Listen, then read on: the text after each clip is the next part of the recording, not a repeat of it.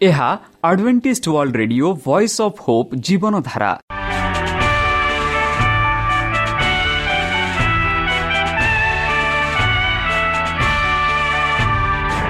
Odia radio କାର୍ଯ୍ୟକ୍ରମ ଯାହା ଆମର ଆନ୍ତର୍ଜାତୀୟ ଆଘାତ କେନ୍ଦ୍ରରୁ ପ୍ରସାରଣ କରାଯାଉଛି ପ୍ରତିଦିନ ରାତି ନଅଟା ତିରିଶ ମିନିଟ୍ରେ। ମୁଁ ସୁବ୍ରତ କୁମାର ପତି ପ୍ରେମର ସହ ଆପଣମାନଙ୍କୁ ଏହି କାର୍ଯ୍ୟକ୍ରମକୁ ସ୍ୱାଗତ କରୁଅଛି। ଚାଲନ୍ତୁ ଆଜିର ତିରିଶ ମିନିଟ୍ର କାର୍ଯ୍ୟକ୍ରମ ବିଷୟରେ ଜାଣିନେବା। ପ୍ରଥମେ ରଖିଛୁ ଆଧ୍ୟାତ୍ମିକ ଭକ୍ତିମୟ ଗୀତ। ଏହାପରେ ଶୁଣିବା ସ୍ୱାସ୍ଥ୍ୟ ବିଷୟରେ ଯାହା ଆମର ଦୈନିକ ଜୀବନରେ ଅତ୍ୟନ୍ତ ଜରୁରୀ। ଆଉ ପରିଶେଷରେ ଶୁଣିବା ପରମେଶ୍ୱରଙ୍କ ଭକ୍ତଙ୍କଠାରୁ ଜୀବନଦାୟକ ଈଶ୍ୱରଙ୍କ ବାକ୍ୟ। ପ୍ରିୟ ଶ୍ରୋତା ତାହେଲେ ଚାଲନ୍ତୁ ଶୁଣିବା ଏକ ଆଧ୍ୟାତ୍ମିକ ଭକ୍ତିମୟ ଗୀତ।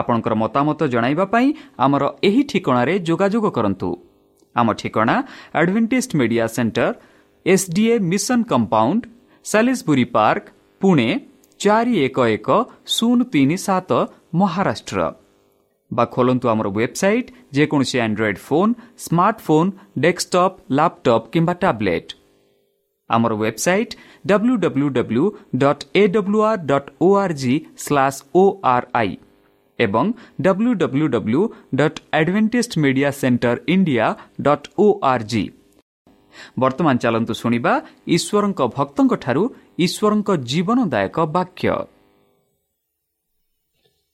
ପବିତ୍ର ଆତ୍ମାର କାର୍ଯ୍ୟ ଭାଗ ଦୁଇ। ନମସ୍କାର ପ୍ରିୟ ଶ୍ରୋତା। ସେହି ସର୍ବଶକ୍ତି ସର୍ବଜ୍ଞାନୀ ପ୍ରେମର ସାଗର ଦୟାମୟ ଅନ୍ତର୍ଜମୀ ଅନୁଗ୍ରହ ପରମ ପିତାଙ୍କ ମଧୁର ନାମରେ ମୁଁ ପାଷ୍ଟର ପୂର୍ଣ୍ଣଚନ୍ଦ୍ର ଆଉ ଥରେ ଆପଣମାନଙ୍କୁ ସ୍ୱାଗତ କରୁଅଛି। ସେହି ସର୍ବଶକ୍ତି ସର୍ବଜ୍ଞାନୀ ପ୍ରେମର ସାଗର ଦୟାମୟ ଅନ୍ତର୍ଜମୀ ଆପଣଙ୍କୁ ଆଶୀର୍ବାଦ କରନ୍ତୁ। ଆପଣଙ୍କୁ ସମସ୍ତ ପ୍ରକାର ଦୁଃଖ କଷ୍ଟ ବାଧା କ୍ଲେଶ ଓ ରୋଗରୁ ଦୂରେଇ ରଖନ୍ତୁ। ଶତ୍ରୁ ସୈତାନ ହସ୍ତରୁ ସେ ଆପଣଙ୍କୁ ସୁରକ୍ଷାରେ ରଖନ୍ତୁ। ବିଶେଷ ଭାବରେ ସେହି ପରମେଶ୍ୱର ଆପଣଙ୍କ ସମସ୍ତ ମନୋକାମନା ପୂର୍ଣ୍ଣ କରନ୍ତୁ। ତାହାଙ୍କ ପ୍ରେମ ତାହାଙ୍କ ସ୍ନେହ ତାହାଙ୍କ କୃପା ଆଉ ତାହାଙ୍କ ଅନୁଗ୍ରହ ସଦାସର୍ବଦା ଆପଣଙ୍କଠାରେ ସହବର୍ତ୍ତୀ ରହୁ। ପ୍ରିୟତା ଚାଲନ୍ତୁ ଆଜି ଆମ୍ଭେମାନେ କିଛି ସମୟ ପବିତ୍ର ଶାସ୍ତ୍ର ବାଇବଲଠୁ ତାହାଙ୍କ ଜୀବନଦାୟକ ବାକ୍ୟ ଧ୍ୟାନ କରିବା। ଆଜିର ଆଲୋଚନା ହେଉଛି ପବିତ୍ର ଆତ୍ମାର କାର୍ଯ୍ୟ ଭାଗ ଦୁଇ ବନ୍ଧୁ ପବିତ୍ର ଆତ୍ମାର କାର୍ଯ୍ୟ ଭାଗ ଏକ ଗତକାଲି ଆମେ ଆଲୋଚନା କରିଥିଲୁ କିପରି ପବିତ୍ର ଆତ୍ମା କାର୍ଯ୍ୟ କରେ ଆଜି ବିଶେଷ ଭାବରେ ସେହି ପବିତ୍ର ଆତ୍ମାଙ୍କ ଦ୍ୱାରା ଯାହା ଯାହା ଆମେ ପାଇଅଛୁ ତାହା ବିଷୟରେ ଆମେ ଆଲୋଚନା କରିବା ଯାହା ଆମେ କହୁଛୁ ଉପହାର ବନ୍ଧୁ ଆମ୍ଭର ଏହି ଉପହାର ପ୍ରାୟତଃ ପୁରୁଣା ନିୟମ ସମୟରେ ସୀମିତ ରହିବ କି ଯେହେତୁ ପୁରୁଣା ନିୟମରେ ପରମେଶ୍ୱର ଯେପରିକି ଅବ୍ରାହ୍ମଙ୍କୁ ଯେପରି ଭବିଷ୍ୟତ ଭକ୍ତମାନଙ୍କୁ ତାଙ୍କ ଆତ୍ମା ଦ୍ୱାରା କଥା ହୋଇ ତାଙ୍କୁ ଦର୍ଶନ ଦେଇଥିଲେ ସ୍ୱପ୍ନ ଦ୍ୱାରା କହିଥିଲେ। ଆଉ ବର୍ତ୍ତମାନ ସେଇ ଯେଉଁ ପବିତ୍ର ଆତ୍ମା ଯାହା ପୁରୁଣା ନିୟମରେ ଥିଲା ସେଇ ଯେଉଁ ପୁରୁଣା ନିୟମରେ ସେଟା ସେମିତି ଥିଲା କି? ନାହିଁ ବା ନୂତନ ନିୟମରେ ବି ଏହା ଚାଲିଛି ଆଉ ବର୍ତ୍ତମାନ ବି ଏହା ଚାଲିଛି। ଯଦି ଆମେ ଦେଖିବା ଜୟଲ ଯାହା ଆମେ ପୁରୁଣା ନିୟମରେ ଆମେ ଦେଖାଉଛୁ ଜୟଲ ଦୁଇ ଅଠେଇଶ ସେଠି ଆମେ ପାଉଛୁ ପୁଣି ତହିଁ ଉତ୍ତାରେ ଆମ୍ଭେ ସମୁଦାୟ ପ୍ରାଣୀ ଉପରେ ଆପଣା ଆତ୍ମା ଢାଲିବା। ପୃଥିବୀର ସୁନ୍ଦର ଭାବରେ ସମୁଦାୟ ପ୍ରାଣୀ ଉପରେ ଆପଣା ଆତ୍ମା ଢାଲିବା। ତହିଁରେ ତୁମାନଙ୍କ ପୁତ୍ରଗଣ ଓ କନ୍ୟାଗଣ ଓ ଭବିଷ୍ୟତ ବାକ୍ୟର ପ୍ରଚାର କରିବେ। ତୁମାନଙ୍କର ବୃଦ୍ଧ ଲୋକମାନେ ସ୍ୱପ୍ନ ଦେଖିବେ ତୁମାନଙ୍କର ଯୁବା ଲୋକମାନେ ଦର୍ଶନ ପାଇବେ। ବନ୍ଧୁ ଆଜିକାଲି ତୁମେ ଯଦି ଖ୍ରୀଷ୍ଟିଆନ ଧର୍ମ ବିଷୟରେ ଯଦି ଆଲୋଚନା କରିବେ ଆମେ ଦେଖୁଅଛୁ ଅନେକ ଖ୍ରୀଷ୍ଟିଆନ ସଂସ୍ଥା ଅଛି। ଯେଉଁ ଖ୍ରୀଷ୍ଟିଆନ ସଂସ୍ଥାରେ ଆମେ ଦେଖୁଅଛୁ କି ପିଲାମାନେ ବା ପୁତ୍ରଗଣ ମାନେ ପିଲାମାନେ ଝିଅମାନେ ବୃଦ୍ଧମାନେ ସ୍ୱପ୍ନ ଦେଖୁଛନ୍ତି କହୁଛନ୍ତି ସ୍ୱସ୍ଥ କରୁଛନ୍ତି। ସେହିପରି ଆମେ ଦେଖୁଅଛୁ ଏଠି ପବିତ୍ର ଶାସ୍ତ୍ର ବାଇବଲରେ କହୁଅଛି କି ସମୁଦାୟ ପ୍ରାଣୀ ଉପରେ ଆପଣ ଆତ୍ମା ଢାଲିବ। ବର୍ତ୍ତମାନ ଏ ଯେଉଁ ଆଧୁନିକ ଦୁନିଆରେ ଆମେ ଦେଖୁଅଛୁ କି ପୃଥିବୀରେ ଅନେକ ଖ୍ରୀଷ୍ଟିଆନ ଅଛନ୍ତି ଆଉ ସେ ଖ୍ରୀଷ୍ଟିଆନ ମାନଙ୍କ ଠାରେ ମଧ୍ୟ ମିଥ୍ୟାବାଦୀ ଖ୍ରୀଷ୍ଟିଆନ ଅଛନ୍ତି ଯେଉଁମାନେ କି ବାଇବଲ ଦ୍ୱାରା ଚାଲନ୍ତି ନାହିଁ। ମାତ୍ର ଯେଉଁମାନେ କି ବାଇବଲ ସହ ଚାଲୁଛନ୍ତି ସେମାନଙ୍କଠାରେ ଯଦି ତୁମେ ଦେଖିବେ ତାହାଙ୍କ ଜୀବନ ତାହାଙ୍କ ଆଚରଣ ତାଙ୍କ କଥାବାର୍ତ୍ତା ତାଙ୍କ ବ୍ୟବହାରିକ ବିଷୟରେ ଯଦି ଦେଖିବେ ଆପଣ ବହୁତ ଫରକ ପାଇବେ। ଆଉ ସେମାନେ ଦର୍ଶନ ଦେଖିବେ ତାହା ନୁହେଁ ଭବିଷ୍ୟତ ବାକ୍ୟ କଥା ସେମାନେ ପ୍ରଚାର କରିବେ। ଆଜିକାଲି ଆମେ ଏଇ ଯା ଆମେ କହୁଛୁ ସେଭେନ୍ ଡେ ଆଡ଼ଭେଣ୍ଟିଜ ସଂସ୍ଥା। ଏଇ ଯେଉଁ ସେଭେନ୍ ଡେ ଆଡ଼ଭେଣ୍ଟିଜ ସଂସ୍ଥା ବିଷୟରେ ଯଦି ଆପଣ ଖୋଜିବେ ଆପଣ ଏଇ ଯେଉଁ ସେଭେନ୍ ଡେ ଆଡ଼ଭେଣ୍ଟିଜ ସଂସ୍ଥା ପ୍ରାୟ ସମସ୍ତ ବାଇବଲ ବିଶ୍ୱାସ କରେ। ଆମେ ବାଇବଲରେ ଦେଖୁଅଛୁ ପୁରାତନ ନିୟମ ନୂତନ ନିୟମ। ନୂତନ ନିୟମରେ ଲୋକେ ପ୍ରାୟ ପୁରାତନ ନିୟମରେ ସେମାନେ ସେମିତି ରହନ୍ତି ବା ନୂତନ ନିୟମରେ ପ୍ରାୟ ଖ୍ରୀଷ୍ଟିଆନମାନେ ନୂତନ ନିୟମରେ ସୀମିତ ରହନ୍ତି। ଆଉ ପୁରାତନ ନିୟମରେ ଯାହା ଯାହା ଲେଖା ଅଛି ତାହା ବିଷୟରେ ସେମାନେ ଧ୍ୟାନ ଦିଅନ୍ତି ନାହିଁ। ମାତ୍ର ଏମିତି ଯେ ସେଭେନ୍ ଡେ ଆଡ଼ଭେଣ୍ଟିଷ୍ଟ ଯାହା ଏକ ସଂସ୍ଥା ଏମାନେ ବିଶ୍ୱାସ କରନ୍ତି କି ପୁରାତନ ନିୟମ ଆଉ ନୂତନ ନିୟମ ଏକ ତାହାକୁ ଆମେ କହୁ ପବିତ୍ର ଶାସ୍ତ୍ର ବାଇବଲ ପୁରାତନ ନିୟମରେ ପବିତ୍ର ଆତ୍ମା କଥାବାର୍ତ୍ତା କରିଥିଲେ ଆଉ ନୂତନ ନିୟମରେ ମଧ୍ୟ ସଦାପ୍ରଭୁ ପରମେଶ୍ୱର ଆପଣା ଶିଷ୍ୟମାନଙ୍କୁ ଆଶ୍ୱାସନା ଦେଇ କହିଲେ କି ତୁମମାନଙ୍କ ପାଇଁ ଏକ ସାହାଯ୍ୟକାରୀ ପଠାଇବା ଯିଏକି ତୁମର ସାହାଯ୍ୟ କରିବେ ବୋଲି ଯୀଶୁ ଖ୍ରୀଷ୍ଟ ନିଜେ କହିଥିଲେ। ଆଉ ଆମେ ଏଠି ଦେଖୁଅଛୁ କି ସମୁଦାୟ ପ୍ରାଣୀ ଉପରେ ଆପଣ ଆତ୍ମା ଢାଲିବା ବୋଲି ପରମେଶ୍ୱର କହିଛନ୍ତି। ମାନେ ବର୍ତ୍ତମାନ ସେହି ଆତ୍ମା ବର୍ତ୍ତମାନ ଉପସ୍ଥିତି ଅଛି। ସେହି ପବିତ୍ର ଆତ୍ମା ବର୍ତ୍ତମାନ ଆମମାନଙ୍କଠାରେ ଉପସ୍ଥିତ ଅଛି। ଆମେ ତାହାକୁ କିପରି ବ୍ୟବହାର କରୁଛୁ ଆମ ଉପରେ ନିର୍ଭର କରେ। ଯଦି ସେହି ପବିତ୍ର ଆତ୍ମାର ସାହାଯ୍ୟ ନେଇ ଈଶ୍ୱରଙ୍କ ବିଷୟରେ ଜାଣିବା ପାଇଁ ଆମେ ଇଚ୍ଛା କରୁଛୁ ନିଶ୍ଚିତ ରୂପେ ସେହି ପବିତ୍ର ଆତ୍ମା ଆମମାନଙ୍କୁ ସାହାଯ୍ୟ କରିବ। ଯେପରିକି ପ୍ରେରିତ ଦୁଇ ସତ୍ର ଯଦି ଆମେ ପଢ଼ିବା ଆମେ ସେଠି ପାଉଛୁ ଈଶ୍ୱର କହନ୍ତି ଶେଷ କାଳରେ ଏପରି ଘଟିବ ଯେ ଆମେ ସମସ୍ତ ମୃତ୍ୟୁ ଉପରେ ଆପଣ ଆତ୍ମା ବୃଷ୍ଟି କରିବା। ଶୁଣନ୍ତୁ ବନ୍ଧୁ ଆମ ସମସ୍ତ ମୃତ୍ୟୁ ଉପରେ ଆପଣ ଆତ୍ମା ବୃଷ୍ଟି କରିବା ମାନେ ବର୍ଷାଇବା। ସେଥିରେ ତୁମାନଙ୍କ ପୁତ୍ର କନ୍ୟାମାନେ ଭାବବାନୀ କରିବେ ଆଉ ତୁମାନେ ଯୁବକମାନେ ଦର୍ଶନ ପାଇବେ ତୁମମାନଙ୍କ ପ୍ରାଚୀନମାନେ ସ୍ୱପ୍ନ ଦେଖିବେ। ଶୁଣନ୍ତୁ ବନ୍ଧୁ କେଡ଼େ ସୁନ୍ଦର ଭାବରେ ଆମେ ପୁରାତନ ନିୟମରେ ଦେଖିଲୁ ବର୍ତ୍ତମାନ ନୂତନ ନିୟମରେ ଆମେ ଦେଖୁଅଛୁ। ପାଉଲ ଲେଖନ୍ତି କି ସମସ୍ତ ମୃତ୍ୟୁ ଉପରେ ଆପଣ ଆତ୍ମା ବୃଷ୍ଟି କରିବା। ସେଥିରେ ତୁମମାନଙ୍କ ପୁତ୍ର କନ୍ୟା ପୁତ୍ର କନ୍ୟା ମାନେ କିଏ? ପୁଅ ଝିଅମାନେ। ସେମାନେ କ'ଣ କରିବେ? ଭାବବାଣୀ କହିବେ। ଆଉ ତୁମମାନଙ୍କ ଯୁବାମାନେ ଦର୍ଶନ ପାଇବେ। ଆଉ ପ୍ରାଚୀନମାନେ କ'ଣ ଦେଖିବେ? ସ୍ୱପ୍ନ ଦେଖିବେ। ଏହା ପବିତ୍ର ଶାସ୍ତ୍ର ବାଇବଲ କହୁଛି। ମୁଁ କହୁନି। ପବିତ୍ର ଶାସ୍ତ୍ର ବାଇବଲ ସ୍ପଷ୍ଟ ରୂପରେ କହୁଅଛି ବନ୍ଧୁ। ଯେପରି ପାଉଲ ଆତ୍ମାକୁ କ'ଣ କହନ୍ତି?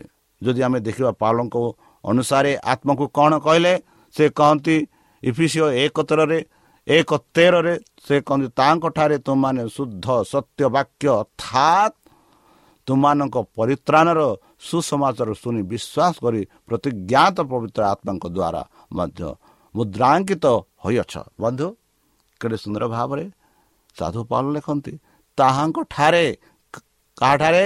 ସେହି ପବିତ୍ର ଆତ୍ମାଙ୍କ ଠାରେ ସତ୍ୟ ବାକ୍ୟ ଶୁଦ୍ଧ ସୁଧା ସତ୍ୟ ବାକ୍ୟ ଅର୍ଥାତ୍ ତୁମମାନଙ୍କର ପରିତ୍ରାଣର ସୁସମାଚାର ଶୁଣି ବିଶ୍ୱାସ କରି ପ୍ରତିଜ୍ଞାତ ପବିତ୍ର ଆତ୍ମା ଦ୍ୱାରା ମଧ୍ୟ ତୁମେ ମୁଦ୍ରାଙ୍କିତ ହୋଇବ ହୋଇଅଛ ବୋଲି ପାଉଲ ଲୋକ ଅଛନ୍ତି ବନ୍ଧୁ ଏହିପରି ଏହାକୁ କାହିଁକି ନିର୍ଦ୍ଦେଶ କରାଯାଇଥିଲା?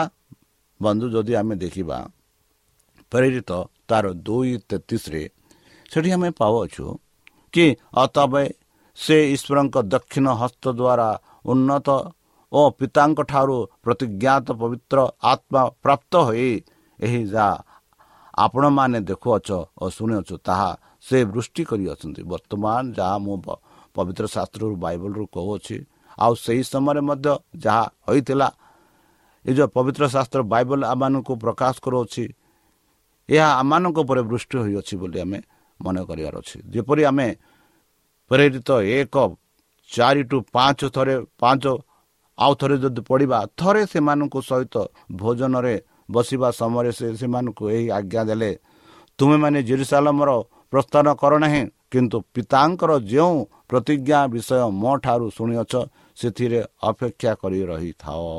ପରମେଶ୍ୱର ଯୀଶୁଖ୍ରୀଷ୍ଟ ଆପଣ ଶିଷ୍ୟମାନଙ୍କୁ କହୁଥିଲେ ଯେତେବେଳେ ତୁମେ ଜେରୁସାଲାମକୁ ପହଞ୍ଚିବ ସେତେବେଳେ ତୁମେ ସେଠି ଠାରୁ ବାହାରକୁ ଯାଅନି ମାତ୍ର ଅପେକ୍ଷା କରି ରୁହ। କାରଣ ଜହନ ଜଳରେ ବାପ୍ଟିଜିତ୍ମ ହେଲେ ସତ କିନ୍ତୁ ତୁମାନେ ଅଳ୍ପ ଦିନ ମଧ୍ୟରେ ପବିତ୍ର ଆତ୍ମାରେ ବାପ୍ଟିଜିତ ହେବ। ଦେଖନ୍ତୁ ବନ୍ଧୁ ଯୀଶୁଖ୍ରୀଷ୍ଟ କହନ୍ତି କି ଜହନ ଯେପରି ଜଳରେ ବାପ୍ଟିସ୍ମୃତ ଦେଲେ ବର୍ତ୍ତମାନ ମୁଁ ତୁମମାନଙ୍କୁ ପବିତ୍ର ଆତ୍ମା ଦ୍ୱାରା ବାପ୍ତିଜିତ କରାଉଛି ଆଉ ସେଥିପାଇଁ ତୁମେ ଏଠି ଅପେକ୍ଷା କରି ରୁହ ବୋଲି କହନ୍ତି। ଏକ ନିର୍ଦ୍ଦିଷ୍ଟ ସମୟ। ପରମେଶ୍ୱର ବର୍ତ୍ତମାନ ଆମମାନଙ୍କୁ ମଧ୍ୟ ସେହି ପବିତ୍ର ଆତ୍ମା ଦ୍ୱାରା ବାପ୍ଟିଜିତ ହେବା ପାଇଁ କହନ୍ତି ଆଉ ସେ ବାପ୍ଟିଜିତ କରିଛନ୍ତି। ଯଦି ଆମେ ଏହିପରି ବିଶ୍ୱାସ କରି ଗ୍ରହଣ କରିବା ନିଶ୍ଚିତ ରୂପେ ପରମେଶ୍ୱର ଆମମାନଙ୍କୁ ସେହି ପବିତ୍ର ଆତ୍ମା ଦ୍ୱାରା ବାପ୍ଟିଜିତ କରିବେ। ତାହେଲେ ଯୀଶୁ କାହିଁକି କହିଲେ ଯେ ତାଙ୍କ ପାଇଁ ପିତାଙ୍କ ନିକଟକୁ ଯିବା ଆବଶ୍ୟକ? ବନ୍ଧୁ ଯୀଶୁ କାହିଁକି ପିତାଙ୍କୁ ଯିବା ନିକଟକୁ ଯିବାର ଆବଶ୍ୟକ ଥିଲା? କାହିଁକି ଏହିପରି କହିଲେ? ଯଦି ଏହି ବିଷୟରେ ଆମେ ଯଦି ଜାଣିବାକୁ ଚାହୁଁଛୁ ତାହେଲେ ଆମେ ଜହନ ଷୋହଳ ସାତରେ ଯଦି ପଢ଼ିବା କିନ୍ତୁ ମୁଁ ତୁମମାନଙ୍କୁ ସତ୍ୟ କହୁଅଛି କିଏ କହନ୍ତି? ଯୀଶୁଖ୍ରୀଷ୍ଟ କହନ୍ତି। ମୋର ପ୍ରସ୍ଥାନ କରିବାରେ ତୁମମାନଙ୍କର ମଙ୍ଗଳ ଯେବେ ଯୀଶୁଖ୍ରୀଷ୍ଟ କହନ୍ତି କି ଯଦି ମୁଁ କାହିଁକି କହୁଛି ଯଦି ମୁଁ ଗଲେ ହିଁ ତୁମର ମଙ୍ଗଳ ହେବ। କାରଣ ମୁଁ ପ୍ରସ୍ଥାନ ନ କଲେ ସେହି ସାହାଯ୍ୟକାରୀ ତୁମମାନଙ୍କ ନିକଟକୁ ଆସିବେ ନାହିଁ। ସେ କହନ୍ତି ଯଦି ମୁଁ ନ ଯିବି ଯେଉଁ ଲୋକ ଯେଉଁ ପବିତ୍ର ଆତ୍ମା ତୁମମାନଙ୍କୁ ସାହାଯ୍ୟ କରିବ ସେ ଆସିବ ନାହିଁ। ତାହି କାରଣରୁ ମୁଁ ଯିବାକୁ ପଡ଼ିବ। ଯେବେ ମୁଁ ଯିବି ସେ ନିଶ୍ଚିତ ଆସିବ। ମାତ୍ର ମୁଁ ଗଲେ ତାଙ୍କୁ ତୁମମାନଙ୍କ ନିକଟକୁ ପଠାଇବି। ଏହିପରି ଯୀଶୁଖ୍ରୀଷ୍ଟ ଆପଣ ଶିଷ୍ୟମାନଙ୍କୁ କହିଲେ। ଆଉ ସେଥିଯୋଗୁଁ ସେ କହିଲେ କି ମୁଁ ଯିବାକୁ ପଡ଼ିବ। ବନ୍ଧୁ ଏହି ପ୍ରତିଜ୍ଞାରେ ଆତ୍ମାର ଉପହାରକୁ ଉଲ୍ଲେଖ କରାଯାଇଛି କି? ହଁ ବନ୍ଧୁ ଏହି ପ୍ରତିଜ୍ଞାରେ ଆତ୍ମାର ଉପହାରର ଉଲ୍ଲେଖ କରାଯାଇଅଛି। ହଁ ଯଦି ଆମେ ଏପିସି ଚାରି ଆଠରେ ପଢ଼ିବା ସେଠି ଆମେ ପାଉଛୁ ଏଥି ନିମନ୍ତେ ଉକ୍ତ ଅଛି ସେ ଉର୍ଦ୍ଧ୍ୱରେ ଆରୋହଣ କରି ବନ୍ଧୁମାନଙ୍କୁ ବନ୍ଦୀ କରି ନ ନେଇଗଲେ ଆଉ ମନୁଷ୍ୟମାନଙ୍କୁ ନାନା ବରଦାନ ଦେଲେ। ଦେଖନ୍ତୁ ନାନା ବରଦାନ ଦେଲେ। ଆମେ ଆଗକୁ ଯଦି ପଢ଼ିବା ଏଇ ଯେଉଁ ବରଦାନ ଗୁଡ଼ାକ କ'ଣ ଏଇ ଯେଉଁ ଉପହାର ଗୁଡ଼ାକ କ'ଣ ତାହା ବିଷୟରେ ଆମେ ଦେଖୁଅଛୁ। ଏଭି ଚାରି ଏଗାର। ସେ କହନ୍ତି କାହାକୁ ପ୍ରେରିତ କାହାକୁ ଭାବବାଦୀ କାହାକୁ ସୁସମାଜ ପ୍ରଚାର ପୁଣି କାହାକୁ ପାଲକ ଓ ଶିକ୍ଷକ ରୂପେ ନିଯୁକ୍ତ କରି ଦାନ କରିଅଛନ୍ତି। ବନ୍ଧୁ ଆମେ ସମସ୍ତଙ୍କୁ ପରମେଶ୍ୱର କିଛି କିଛି ଦାନ କରିଛନ୍ତି ଉପହାର ଦେଇଛନ୍ତି।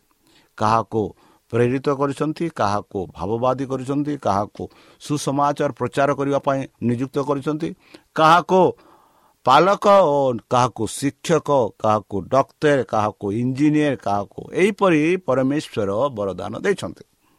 ଆଉ ଏହି ବରଦାନ ସବୁ ଈଶ୍ୱରଙ୍କର ଉପହାର। ସେହି ପବିତ୍ର ଆତ୍ମା ଦ୍ୱାରା ଆମମାନଙ୍କୁ ଦିଆଯାଇଛି। ଏହି ସମସ୍ତ ଉପହାର ସମାନ ଆତ୍ମା ଦ୍ୱାରା ଥିଲା କି ବୋଲି ଯଦି ଆମେ ପ୍ରଶ୍ନ ପହଞ୍ଚିବା ପ୍ରଥମ କରନ୍ତି ବାର ଚାରିରେ ଯଦି ଦେଖିବା ଅନୁଗ୍ରହ ଦାନ ବିଭିନ୍ନ ପ୍ରକାର କିନ୍ତୁ ଆତ୍ମା ଏକ। ଯେଉଁ ଅନୁଗ୍ରହ ଦାନ ଯାହା ଆମେ ଦେଖୁଅଛୁ ଯେଉଁ ଉପହାର ଆମେ ଦେଖୁଅଛୁ ଯାହା ଆମେ ଇଂରାଜୀରେ କହୁଛି ଗିଫ୍ଟ ସେଇ ଯେଉଁ ଗିଫ୍ଟ ଗୁଡ଼ାକ ସେଇ ଯେଉଁ ଉପହାର ଗୁଡ଼ାକ ଭିନ୍ନ ଭିନ୍ନ ହେଲେ ମାତ୍ର ଆତ୍ମା ହେଉଛି ଏକ। ଏହିପରି ପ୍ରଥମ କରନ୍ତି ବାର ଚାରିରେ ଆମେ ଦେଖୁଛୁ। ଯଦି ଆମେ ପଢ଼ିବା ଏ ପି ସି ଚାରି ଚାରିରେ ସେଠି ଲେଖା ହେଉଛି ଏକ ଶରୀର ଏକ ଆତ୍ମା। ଯେଉଁ ରୂପେ ତୁମମାନେ ତୁମମାନଙ୍କ ଆହ୍ୱାନର ଏକ ଭରସାରେ ମଧ୍ୟ ଆହୁତ ହୋଇଅଛ ଯେପରି ଆମ ଶରୀର ହେଉଛି ଏକ ଶରୀର ଏକ ଆତ୍ମା। ସେହିପରି ଆମେ ବିଭିନ୍ନ ପ୍ରକାର ଉପହାର ଥିଲେ ମଧ୍ୟ ଆତ୍ମା ହେଉଛି ଏକ। ବନ୍ଧୁ ଖ୍ରୀଷ୍ଟଙ୍କ ତାଙ୍କ ଶିଷ୍ୟମାନଙ୍କୁ କ'ଣ ମିଶନ ଦେଇଥିଲେ କେଉଁ କାର୍ଯ୍ୟ ଦେଇଥିଲେ? ଯୀଶୁ କହିଲେ ମାର୍କ ଷୋହଳ ପନ୍ଦରରେ ପୁଣି ଯୀଶୁ ସେମାନଙ୍କୁ କହିଲେ ତୁମମାନେ ସମୁଦାୟ ଜଗତକୁ ଯାଇ ସମସ୍ତ ମାନବ ଜାତି ନିକଟରେ ସୁସମାଚାର ଘୋଷଣା କର। ଏହା ହେଉଛି ଯୀଶୁ ଖ୍ରୀଷ୍ଟଙ୍କର ଆଦେଶ।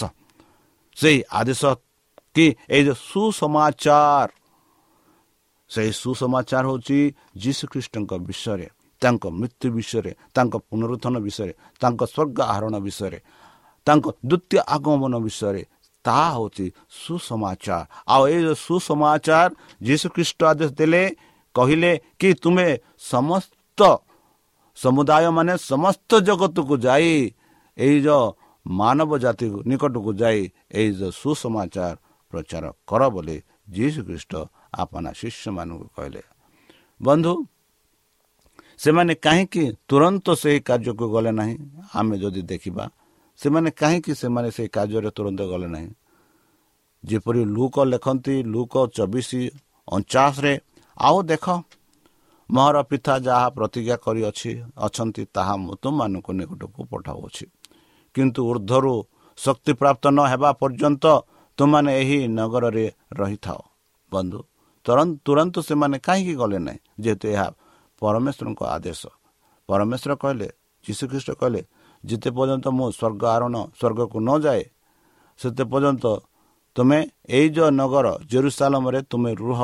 ତେବେ ପର୍ଯ୍ୟନ୍ତ ରୁହ। ଯେବେ ମୁଁ ଯିବି ଯେପରି ଏହା ପୂର୍ବରୁ ମୁଁ ଆପଣମାନଙ୍କୁ କହିସାରିଛି ମୁଁ ଗଲେ ଆପଣଙ୍କୁ ପବିତ୍ର ଆତ୍ମା ପଠାଇ ବୋଲି। ଯେପରି ଏକ୍ସ ବା ଯେପରି ପ୍ରେରିତ ଏକ ଆଠରେ ଆମେ ଦେଖାଉଛୁ କିନ୍ତୁ ପବିତ୍ର ଆତ୍ମା ତୁମମାନଙ୍କ ଉପରେ ଅବତୀର୍ଣ୍ଣ ହୁଅନ୍ତେ ତୁମମାନେ ଶକ୍ତି ପ୍ରାପ୍ତ ହେବ।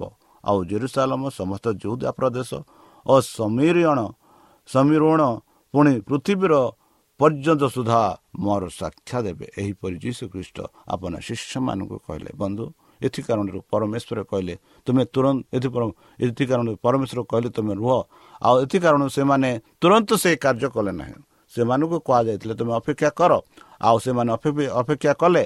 ଆଉ ଯେବେ ପବିତ୍ର ଆତ୍ମା ସେମାନଙ୍କ ଉପରେ ଢଲାଗଲା ଅବତୀର୍ଣ୍ଣ ହେଲା ସେତେବେଳେ ସେମାନେ ଶକ୍ତିପ୍ରାପ୍ତ ହେଲା ପରେ କାର୍ଯ୍ୟରେ ଆରମ୍ଭ କଲେ ଯେପରି ଯୀଶୁଖ୍ରୀଷ୍ଟ କହିଲେ ଜିରୁସାଲମ ସମସ୍ତ ଜୁହୁଦା ପ୍ରଦେଶ ଓ ସମୀରଣ ପୁଣି ପୃଥିବୀର ପ୍ରଜାନ୍ତ ସୁଦ୍ଧା ମୋର ସାକ୍ଷା କର ବୋଲି। ବନ୍ଧୁ ଯେଉଁମାନେ ସୁସମାଚାର ପ୍ରଚାର କରନ୍ତି ସେମାନଙ୍କ ସହିତ ଯୀଶୁ କେତେ ଦିନ ରହିବାକୁ ପ୍ରତିଜ୍ଞା କରିଥିଲେ ଯେଉଁମାନେ ସୁସମାଚାର ପ୍ରଚାର କରନ୍ତି ଯେଉଁମାନେ ତାଙ୍କ ବାକ୍ୟ କହନ୍ତି ଆଉ ସେମାନଙ୍କଠାରେ କେତେ ସମୟ ଯୀଶୁ ଖ୍ରୀଷ୍ଟ ରହିବେ ବୋଲି କହନ୍ତି?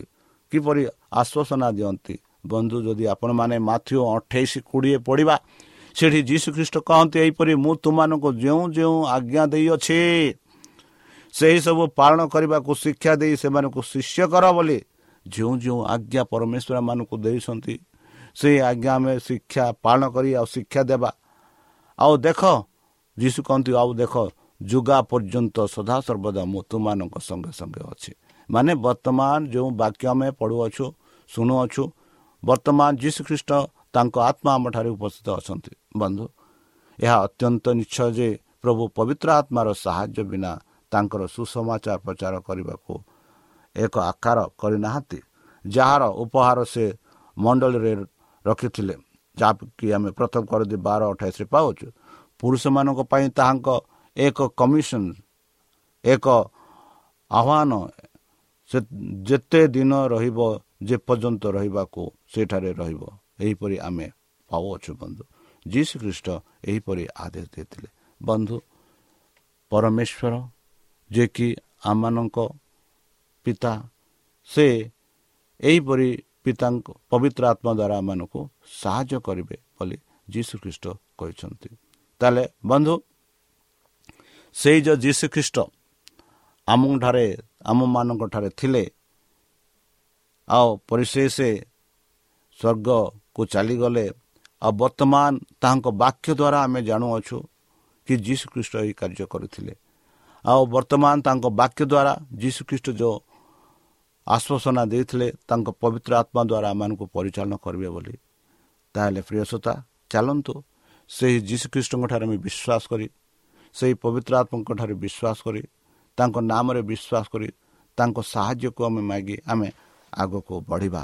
ଯେପରି ଯୀଶୁଖ୍ରୀଷ୍ଟ ଆମମାନଙ୍କୁ ଆଶ୍ୱାସନା ଦେଇଛନ୍ତି ମୁଁ ତୁମମାନଙ୍କୁ ଯେଉଁ ଯେଉଁ ଆଜ୍ଞା ଦେଇଅଛି ସେହିସବୁ ପାଳନ କରିବାକୁ ଶିକ୍ଷା ଦେଇ ସେମାନଙ୍କୁ ଶିଷ୍ୟ କର ହଁ ବନ୍ଧୁ ବର୍ତ୍ତମାନ ଆମର ଏହି ସୁଯୋଗ କି ଯାହା ଯେ ଆମେ ପବିତ୍ର ଶାସ୍ତ୍ର ଦ୍ୱାରା ଆମେ ଜାଣୁଅଛୁ ଶିଖୁଅଛୁ ଆଉ ଏଇ ଯେଉଁ ରେଡ଼ିଓ ମାଧ୍ୟମ ଦ୍ୱାରା ଆମେ ଶୁଣୁଅଛୁ ଏଇ ଯେଉଁ ସୁସମାଚାର ଆପଣମାନେ ଶୁଣୁଛନ୍ତି ସେଇ ଯେଉଁ ଯୀଶୁଖ୍ରୀଷ୍ଟ ଏହି ପୃଥିବୀକୁ ଆସିଥିଲେ ଆମମାନଙ୍କ ପାଇଁ ମୃତ୍ୟୁବରଣ କଲେ ଆଉ ପରିଶେଷ ସ୍ୱର୍ଗ ରାଜ୍ୟକୁ ଗଲେ। ଏଇ ଯେଉଁ ସୁସମାଚାର ଯଦି ଆମେ ଅନ୍ୟମାନଙ୍କୁ ପ୍ରଚାର କରିବା ଯେଉଁ ସୁସମାଚାର ବର୍ତ୍ତମାନ ଆମେ ଶୁଣୁଅଛୁ ସେହି ସୁସମାଚାର ଯଦି ଆମେ ଅନ୍ୟମାନଙ୍କ ସହିତ ବାଣ୍ଟିବା ଏହା ଏକ ସୁବର୍ଣ୍ଣ ସୁଯୋଗ ଆଉ ଯେବେ ଯୀଶୁ ଖ୍ରୀଷ୍ଟ ଆସିବେ ସେହି ସ୍ୱର୍ଗରୁ ଏହି ପୃଥିବୀକୁ ସେତେବେଳେ ପରମେଶ୍ୱର ଆମମାନଙ୍କୁ ସମସ୍ତଙ୍କୁ ସେହି ସ୍ୱର୍ଗରାଜକୁ ନେବେ। ଯେପରିକି ଆମମାନେ ସମସ୍ତେ ତାଙ୍କଠାରେ ରହିପାରିବା ଯେହେତୁ ଏହା ପରମେଶ୍ୱରଙ୍କର ଆଦେଶ। ଯେହେତୁ ପରମେଶ୍ୱର ବର୍ତ୍ତମାନ ଯୁଗରେ ଯାହା ଆମେ ଦେଖୁଅଛୁ ରେଡ଼ିଓ ମାଧ୍ୟମ ଦ୍ୱାରା ଅନେକ ପ୍ରକାର ଦ୍ୱାରା ପ୍ରଚାରିତ କରାଯାଉଅଛି ଆଉ ପ୍ରଭୁଙ୍କ ବାକ୍ୟ ସମସ୍ତଙ୍କ ପାଖକୁ ଯାଉଅଛି। ଯେ ଯେପରିକି ଯୀଶୁ ଖ୍ରୀଷ୍ଟ କହିଲେ ତୁମେ ସମସ୍ତ ପ୍ରଦେଶକୁ ଯାଅ ପୃଥିବୀ ସମସ୍ତ ପୃଥିବୀକୁ ଯାଉ ସମସ୍ତ ଲୋକଙ୍କୁ ପ୍ରଚାର କର ଆଉ ସେତେବେଳେ ହିଁ ଯୀଶୁ ଖ୍ରୀଷ୍ଟ ଆସିବ। ତାହେଲେ ଆମର କର୍ତ୍ତବ୍ୟ ଯେପରି ଆମେ ପ୍ରଚାର କରିବା କହିବା ଅନ୍ୟମାନଙ୍କୁ ଯେପରି ଯୀଶୁଖ୍ରୀଷ୍ଟ ଆସିବ ସେତେବେଳେ ଆମେ ସମସ୍ତେ ମିଶି ସେହି ସ୍ୱର୍ଗ ରାଜ୍ୟକୁ ଯାଇପାରିବା। ତାହେଲେ ପ୍ରିୟ ଶ୍ରୋତା ଚାଲନ୍ତୁ। ନିଜକୁ ସମର୍ପଣ କରି ତାହାଙ୍କ ମଧୁର ନାମରେ ଆମେ ପ୍ରାର୍ଥନା ଅର୍ପଣ କରିବା। ହେ ଆମ୍ଭମାନଙ୍କ ସର୍ବଶକ୍ତି ସର୍ବଜ୍ଞାନୀ ପ୍ରେମର ସାଗର ଦୟାମୟ ଅନ୍ତର୍ଜମୀ ଅନୁଗ୍ରହ ପରମ ପିତା ଧନ୍ୟବାଦ ଅର୍ପଣ କରୁଛୁ ପ୍ରଭୁ ବର୍ତ୍ତମାନ ଯେଉଁ ବାକ୍ୟ ତୁମ ଭକ୍ତମାନଙ୍କୁ ଶୁଣାଇଲେ ସେହି ବାକ୍ୟ ଅନୁସାରେ ଏମାନଙ୍କୁ ଚାଲିବା ପାଇଁ ବୁଦ୍ଧିରେ ଜ୍ଞାନରେ ଶକ୍ତିରେ ପରିପୂର୍ଣ୍ଣ କର। ଆମ ପାପ ସବୁ ତୁମ ସେହି ବହୁମୂଲ୍ୟ ରକ୍ତରେ ପରିଷ୍କାର ରୂପେ ଧୋଇଦିଅ। ପ୍ରଭୁ ଆମମାନଙ୍କୁ ସେହି ପବିତ୍ର ଆତ୍ମା ଦ୍ୱାରା ବାପ୍ତିଚିତ କର ଯେପରିକି ତୁମ ସେହି ବାକ୍ୟ ଅନୁସାରେ ଆମେ ଚାଲିପାରିବୁ ରହିପାରିବୁ ଅନ୍ୟମାନଙ୍କୁ ପ୍ରଚାରିତ କରିପାରିବୁ ପ୍ରଚାର କରିପାରିବୁ। ଆମ ପାପ ସବୁ ତୁମ ସେହି ବହୁମୂଲ୍ୟ ରକ୍ତରେ ପରିଷ୍କାର କରି ଧୋଇଦିଅ। ସେହି ପବିତ୍ର ଆତ୍ମା ଦ୍ୱାରା ଆମମାନଙ୍କୁ ପରିଚାଳନା କର। ଶତ୍ରୁ ସୈତାନ ହସ୍ତରୁ ଆମମାନଙ୍କୁ ଦୂରେଇ ରଖ। ହେ ପରମେଶ୍ୱର ପରିଶେଷ ଯେବେ ତୁମ୍ଭେ ତୁମ୍ଭ ସେହି ସହସ୍ର ଦୂତଙ୍କ ସହ ଆପଣା ସାଧୁମାନଙ୍କୁ ସଂଗ୍ରହ କରିବା ନିମନ୍ତେ ଆସିବେ ସେତେବେଳେ ଆମମାନଙ୍କୁ ଏକ ବାସସ୍ଥାନ ଦିଅ ବୋଲି ତ୍ରାଣକର୍ତ୍ତା ପ୍ରଭୁ ଯୀଶୁଙ୍କ ମଧୁରମୟ ନାମରେ ଏହି ଛୋଟ ବିକ୍ଷମ ଅଛି ଶୁଣି ଗ୍ରହଣ କର। ଆମେନ୍।